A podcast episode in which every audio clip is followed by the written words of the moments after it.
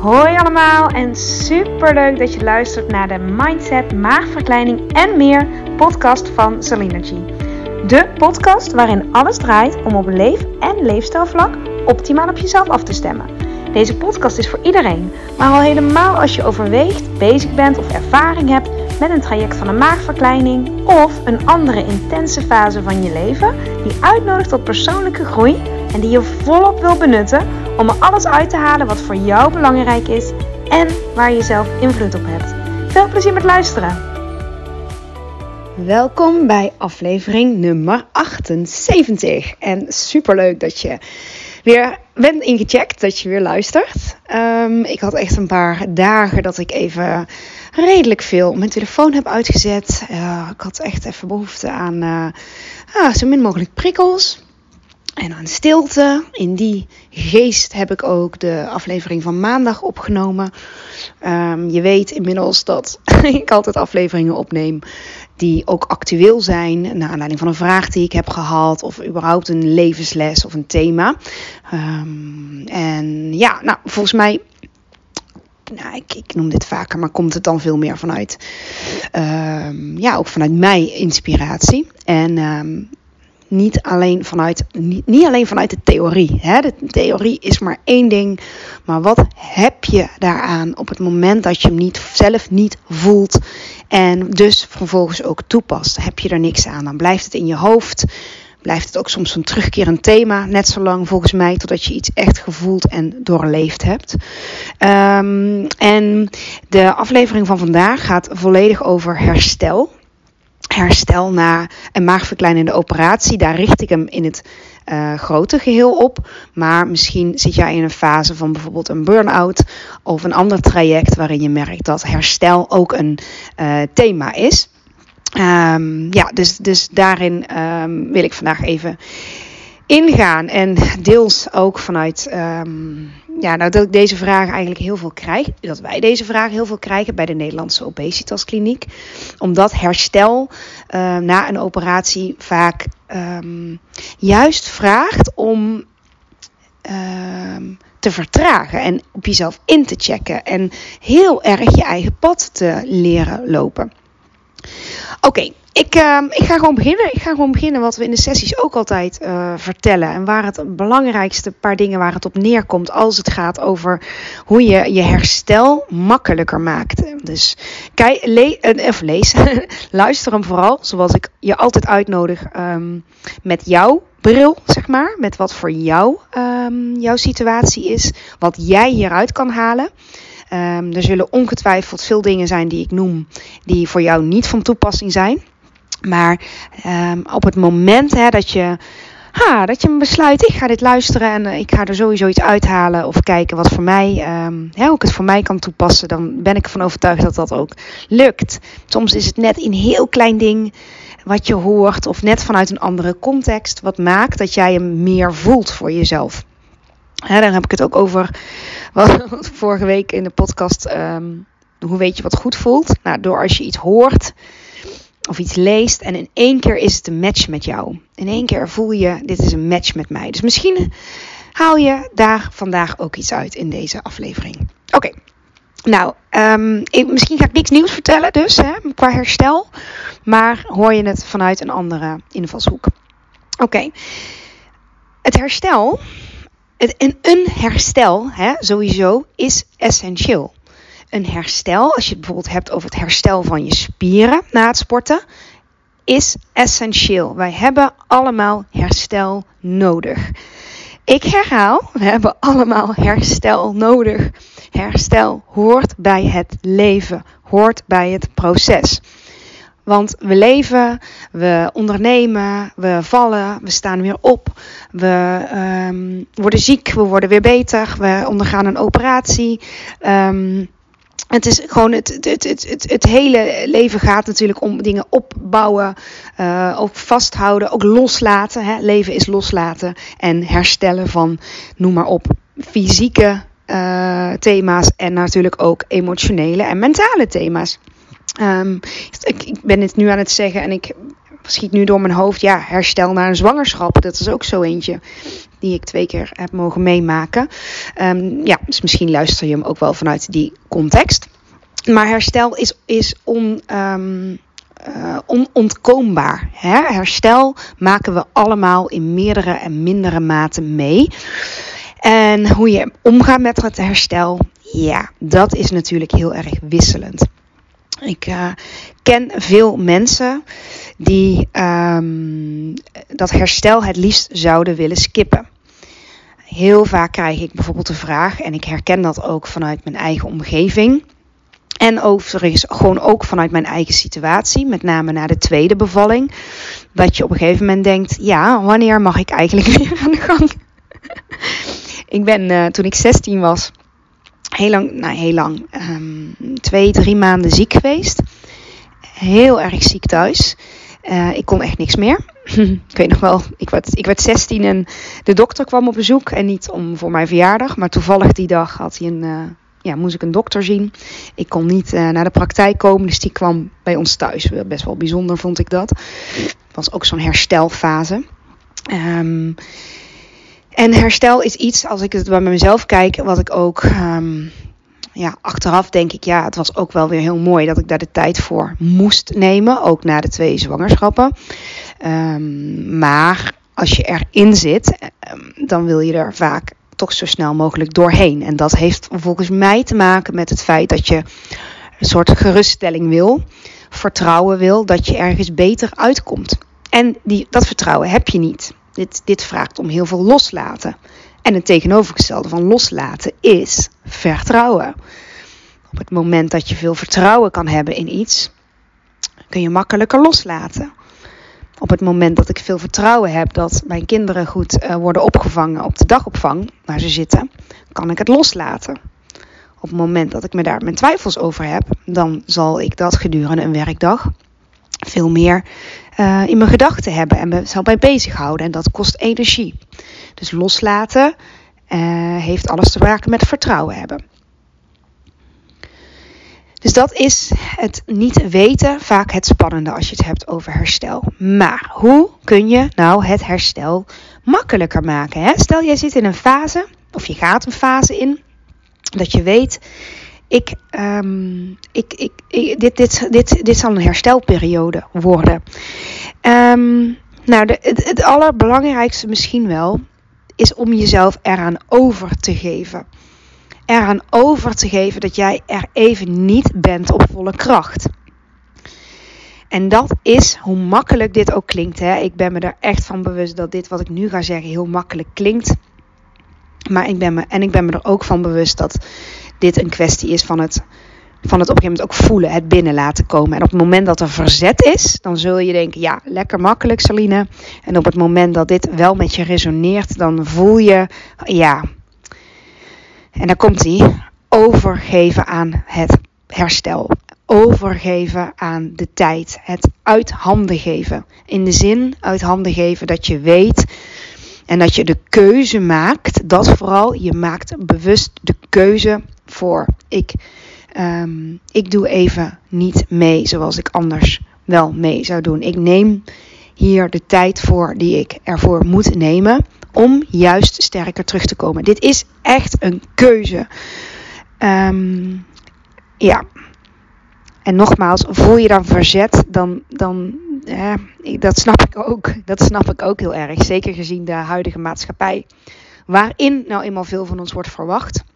En waarin we misschien wel het idee hebben dat we ook heel veel kunnen sturen. En we hebben, kunnen we ook, hè? we hebben op heel veel dingen wel invloed. Misschien voel je ook wel druk. Uh, misschien als je kinderen hebt of je bent mantelzorger. Uh, of om andere redenen. Hoeft niet altijd te zijn vanwege kinderen of uh, vanwege mantelzorg. Maar andere redenen, die weet jij zelf het beste. Dat je zegt, ja, ik, ik wil eigenlijk zo snel mogelijk hier weer doorheen. Ik snap dat zo erg en eigenlijk pleit dat ook voor je. Of in, in ieder geval, het maakt dat het zegt mij altijd als iemand zoiets zegt, dat ik denk, ja, je hebt dus levenslust. Je hebt dus ook zin om weer aan de gang te gaan en je, je, je, je bent geïnspireerd in het leven. En misschien niet op alle vlakken, maar wel, nou, wel op een aantal vlakken. Als je dus snel je werk weer wil oppakken, betekent dat hopelijk dat je dus het leuk en goed hebt op je werk. En misschien betekent het, en deze is heel interessant, dat je uh, voelt dat er een soort druk onder staat. En dan is de vraag: uh, is, de, is die druk er ook echt? En wat gebeurt er op het moment dat jij um, er even niet bent? Wat is de worst case scenario? Wat is het ergste wat kan gebeuren? En nog een hele kritische vraag: zit je wel op je werkplek goed? Durf je die voor jezelf onder ogen te zien als je zegt: Het is niet dat ik er zo snel mogelijk weer wil zijn, maar het is dat ik er zo snel mogelijk weer moet zijn. Dat het ook echt voelt als moeten, bedoel ik. Dat is er misschien eentje om over na te denken. Niet dat je dan meteen je baan moet opzeggen. Ik snap ook wel dat dat, dat, dat, dat bedoel ik zeker niet. Maar het kan je wel aan het denken zetten, dit soort momenten in je leven waarbij je te maken hebt met herstel. En herstel nodigt ook uit voor opnieuw de kaart te schudden. Want je hebt ook meer tijd. Je bent even uit de red race. Je bent even um, uit je normale doen. Uh, en je hebt, en dat is ook zo eentje, daar, daarom zitten zoveel levenslessen in herstel. Je hebt waarschijnlijk bepaalde verwachtingen wanneer je weer uh, uit je herstelperiode komt. En tegelijkertijd weet je ook dat je dat ook niet helemaal kunt sturen. Dus het vraagt ook om verwachtingen bij te stellen. En als je dat kan, dan komt er zoveel kracht. Dan kun je zoveel putten uit die kracht als jij verwachtingen bij kan stellen. En een vraag die ik je daar ook bij wil stellen is: wanneer heb je in je leven nog meer verwachtingen bij moeten stellen? En hoe ging dat? Dus als je daarin zit in je herstel en je, je hebt een bepaalde verwachting en je houdt daar ook echt aan vast, bijvoorbeeld zes weken daarna kan ik alles weer doen, of dan kan ik weer sporten, of dan kan ik weer uh, uh, werken, of dan hè, ben ik er weer. Wat als dat nou anders gaat? Ben jij bereid om die verwachtingen dan bij te stellen? En dit is een vraag, merk ik, die niet iedereen zich standaard stelt. Omdat, ja, ik weet niet, om, misschien omdat, omdat, omdat we zo graag hangen aan een bepaald termijn. Drie weken, zes weken, um, een half jaar. Ja, zeg maar hoe lang het herstel duurt. En dat is zo logisch en zo herkenbaar. En tegelijkertijd heb je er ook niet heel veel aan op het moment dat, je, uh, dat het ook anders loopt. En ik weet niet hoe het met jouw leven is, maar mijn leven is vaak anders gelopen dan dat ik het van tevoren had verwacht. Niet alles. Sommige dingen zijn wel zoals ik het had verwacht en gehoopt en gewenst. Maar er zijn ook dingen waarbij ik mijn verwachtingen um, enorm heb bij moeten stellen. En als ik daaraan terugdenk, geeft mij dat heel veel moed en power um, om dat ook aan te kunnen een volgende keer als ik weer in zo'n situatie ben. Dus die wil ik je zeker meegeven. Eentje om over na te denken. Hè? Ben je bereid om je verwachtingen met betrekking tot jouw herstel um, bij te stellen? En dan heel praktisch, want um, herstel vraagt om overgave. En herstel vraagt om balans, om opnieuw. Want er is iets gebeurd waardoor jij uit balans bent geraakt. Meestal uh, bij een zwangerschap is dat ook. Hè? Dus dan niet dat zwangerschap een disbalans is. Zo kort door de bocht moet je hem niet horen. Of ja, moet, maar je plaatst hem even in perspectief. Maar het, lichaam, het leven is even anders geweest. Die negen maanden. Dit is even anders geweest. Na maagverkleining is ook je lichaam uit balans.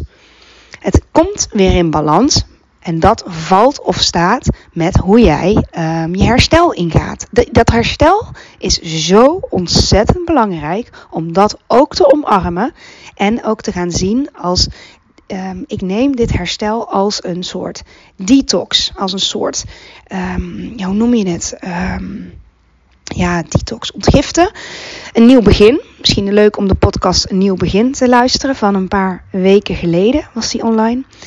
Um, als je het zo gaat zien, dan voelt het niet als een, een soort hobbel die je moet nemen, maar dan voelt het als een nieuwe weg die je inslaat. En daar zit zoveel meer uh, inspiratie in en energie op. Dan als je het ziet, dit, dit, dit, dit moet zo snel mogelijk uh, voorbij zijn. Ik snap hè, dat je wil dat het zo snel mogelijk voorbij is. Maar we kunnen dat niet forceren. We kunnen alleen in de tussentijd leren en oefenen om uh, het lichaam opnieuw in balans te brengen, of je geest, of allebei het liefst. En jezelf de juiste vragen te stellen. En ik hoop dat deze aflevering daaraan bijdraagt. Nou, één heel belangrijk punt als je het hebt over herstel, en in het bijzonder ook het herstel na de maagverkleining, is um, om geduld te hebben, om geduld te oefenen. En um, het onderscheid leert maken tussen ehm, wanneer je passief wordt en wanneer je rust neemt. wanneer je passief wordt en wanneer je rust neemt. Want rust is niet, dat, dit is wat ik letterlijk altijd zeg in de sessies, is niet altijd op de bank Netflixen. Dat geeft misschien wel rust. En uh, als ik voor mezelf spreek, ik kan daar enorm naar uitkijken. Ik kan echt, ja, klinkt misschien een beetje, maar ik kan, als ik heb besloten dat ik die avond uh, uh, ga Netflixen, dan kan, dan kan ik de hele dag al verheugen. Dat moment, als kinderen op bed liggen en ik ga lekker zitten op de bank en uh, kruikje erbij en Netflixen, dan geeft het heel veel rust. Maar ik bedoel meer, doe je het vanuit omdat je moe bent of omdat je even alleen maar wil ontvangen en niet wil geven? Dan doe je het omdat het je heel veel plezier geeft. ook hier weer is het moeten of willen om op die bank te ploffen. En uh, dus Netflix kan je zeker heel veel uh, rust geven en vervulling en ontspanning en noem maar op. Um, en wees kritisch, want uh, kijk, dit zijn ook vaak fases, herstelfases. En ook weer als ik kijk naar mijn eigen situatie, waarin je um, de kans ook krijgt om ja, dingen op te ruimen in je hoofd en dingen te doen die je normaal gesproken niet doet. Um, en dan kun je het echt aan de meest, nogmaals, ik zeg niks nieuws, simpele dingen denken. Door bijvoorbeeld langs het water te gaan wandelen en kijken hoe de zon in het water weer kaatst. Wanneer doe je dat nou? Misschien doe je dat wel elke dag, maar misschien zijn dat dingen om even te observeren wat er eigenlijk allemaal om je heen gebeurt. Zonder dat je daar een, een, een heel actief onderdeel van bent. Dus puur observeren. Om je heen kijken, je zintuigen gebruiken. Zo eenvoudig. Je hoeft soms niks actiefs te doen om te herstellen, om te zijn. Hè? Soms is het echt dingen aankijken, naar buiten kijken. En alleen dat. Maar ook, uh, misschien is het voor jou heel vervullend om te schilderen. En als je kijkt naar bijvoorbeeld herstel na de maagverkleining, dan kun je dat prima doen, ook fysiek.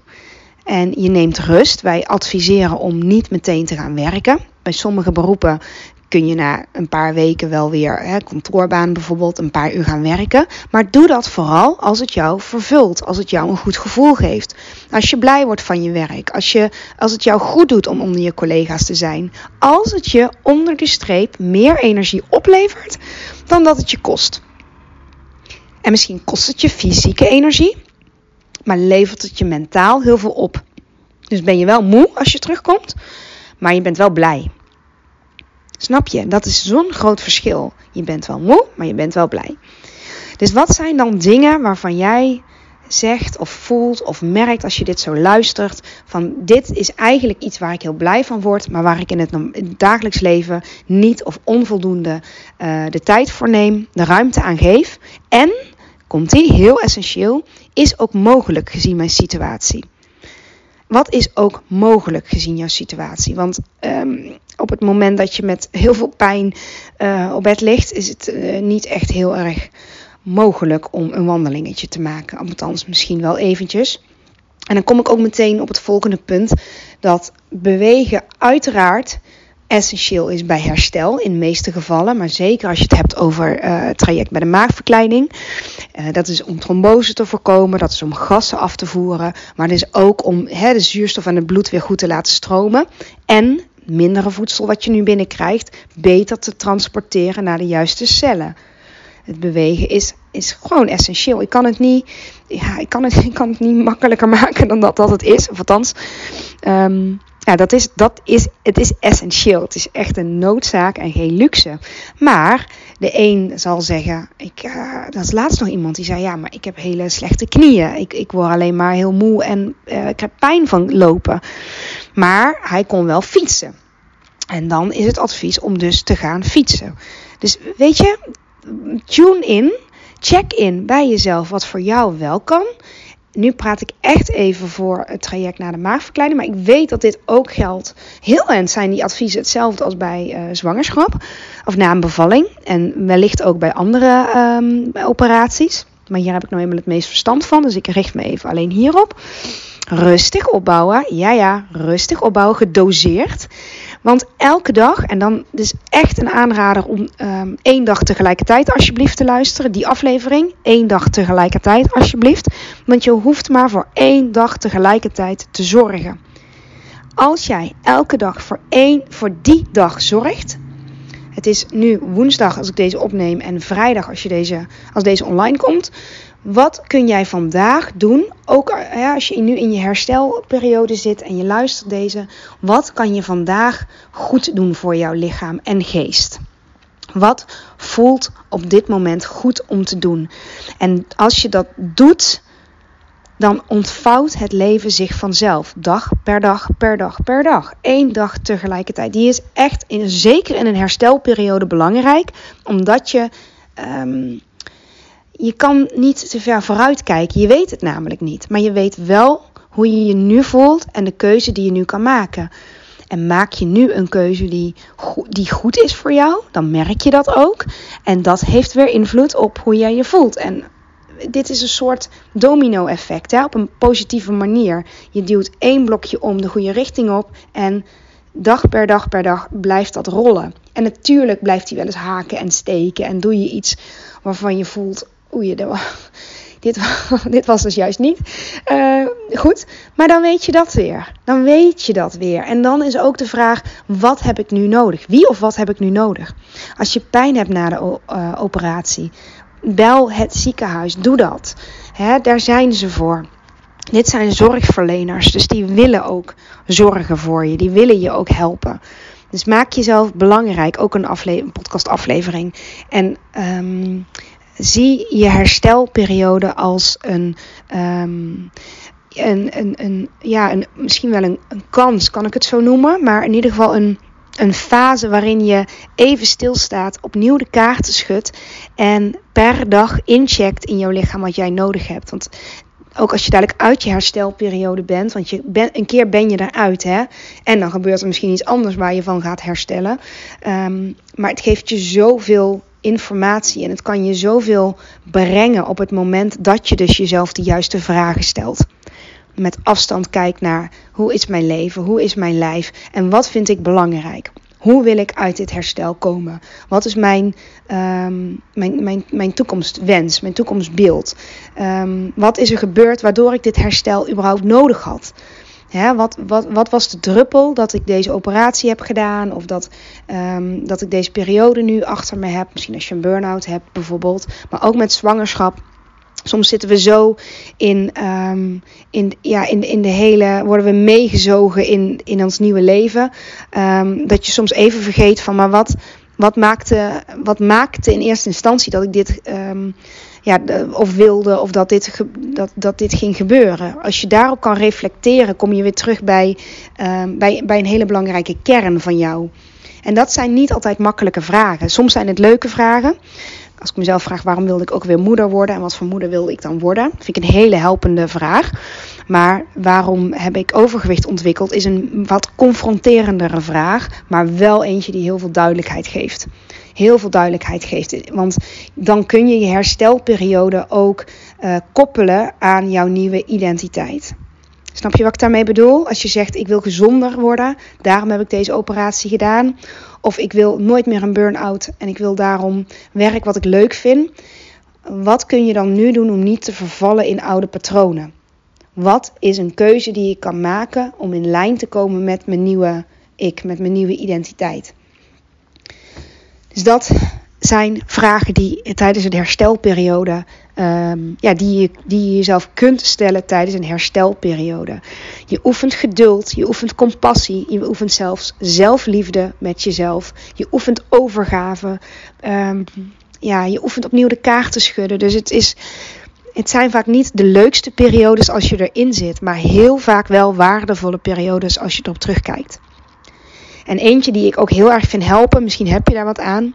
Stel dat je op het eind van het jaar of op het eind van uh, um, je leven of uh, um, uh, stel je bent nu, ik noem maar iets, 46 en stel je kijkt op je 50ste terug naar deze fase. Hoe wil jij dan terugkijken op die fase van herstel?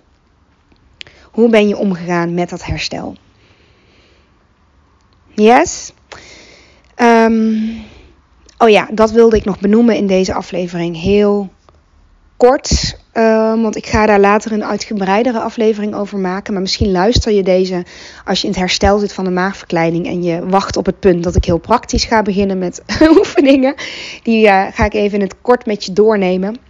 Want we adviseren dus inderdaad om de tijd te nemen. Zes weken staat er officieel voor, maar dat staat voor elke, bijna elke buikoperatie. Maar misschien voel jij je na drie weken weer best wel goed en prima. En weer de ander is na twee maanden nog steeds um, echt moe. En dat zegt ook iets. Hè? Dus niet dat je iets niet goed doet, maar dat je misschien gas terug mag nemen. Um, mag kritisch mag kijken naar je voeding, wat je wel binnenkrijgt. Um, dus alle informatie zegt iets over je. En je mag overstijgend denken.